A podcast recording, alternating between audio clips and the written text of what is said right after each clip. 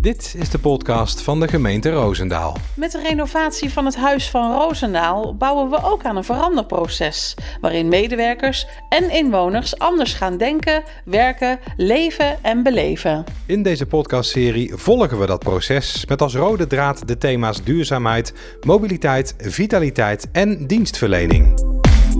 In deze podcast nemen we je mee in dit proces. Maak kennis met projectleider Gabriel Jas. gasloos, duurzaam.